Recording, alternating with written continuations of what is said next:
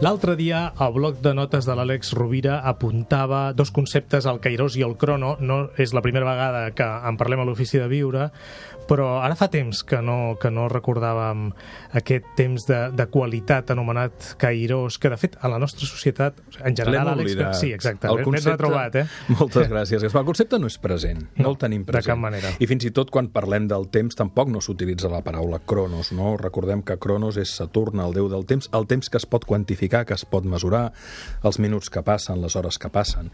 En conseqüència, l'agenda que hem de farcir, les activitats que hem de planificar, en conseqüència, els objectius que hem d'assolir. Que tu dius que són, perdó, de l'ego. Jo, clar, jo d'alguna manera diria que el, que el Cronos està molt, molt fet a la mida del jo-idea, de l'ego, no? De jo he d'aconseguir això, he de fer allò, tinc tant termini per fer això, tinc tants dies per fer-ho. I d'alguna manera, eh, no, parlo, no parlo, quan es parla de l'ego es parla moltes vegades d'una entitat fosca, terrible, no, hi ha un ego funcional, operatiu, hi ha un jo-idea que es projecta en el futur i això ho explicava molt bé l'Antoni Blai Fontcoberta, un jo-idea que té les seves frustracions, limitacions, però també els seus anels, objectius, i es, plan es, es projecta en un futur en un jo-ideal. La distància entre el jo-idea i el jo-ideal és el personatge. El personatge és com la persona, com l'ego es posa en marxa en el món respecte a si mateix, als altres i a la vida per aconseguir allò que vol i per fer que les coses passin.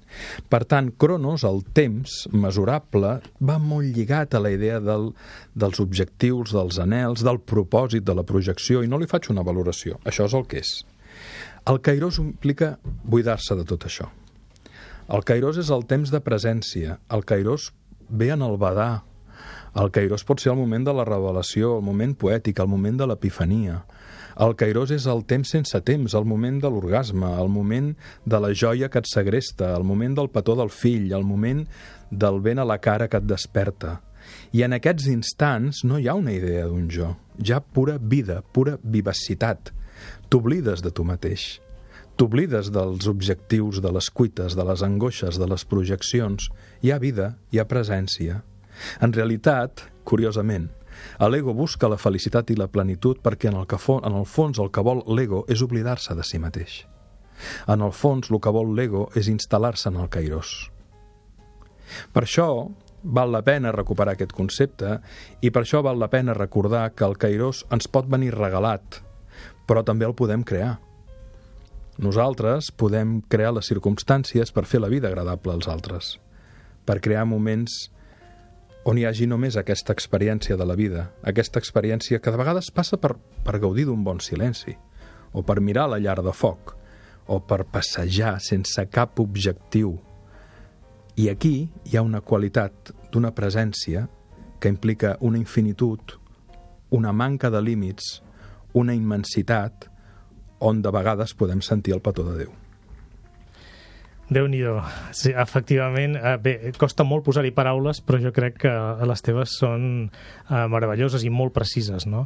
De fet, també és un instant, s'ha dit de vegades, d'immortalitat. No? És que, d'alguna manera, el que es produeix és la mort del jo.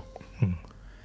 Um, l'estructura del suport físic segueix, la persona segueix sent el que és, i això ens podria portar algun dia de parlar de, de l'Advaita, no? com una aproximació interessantíssima a això que estem parlant.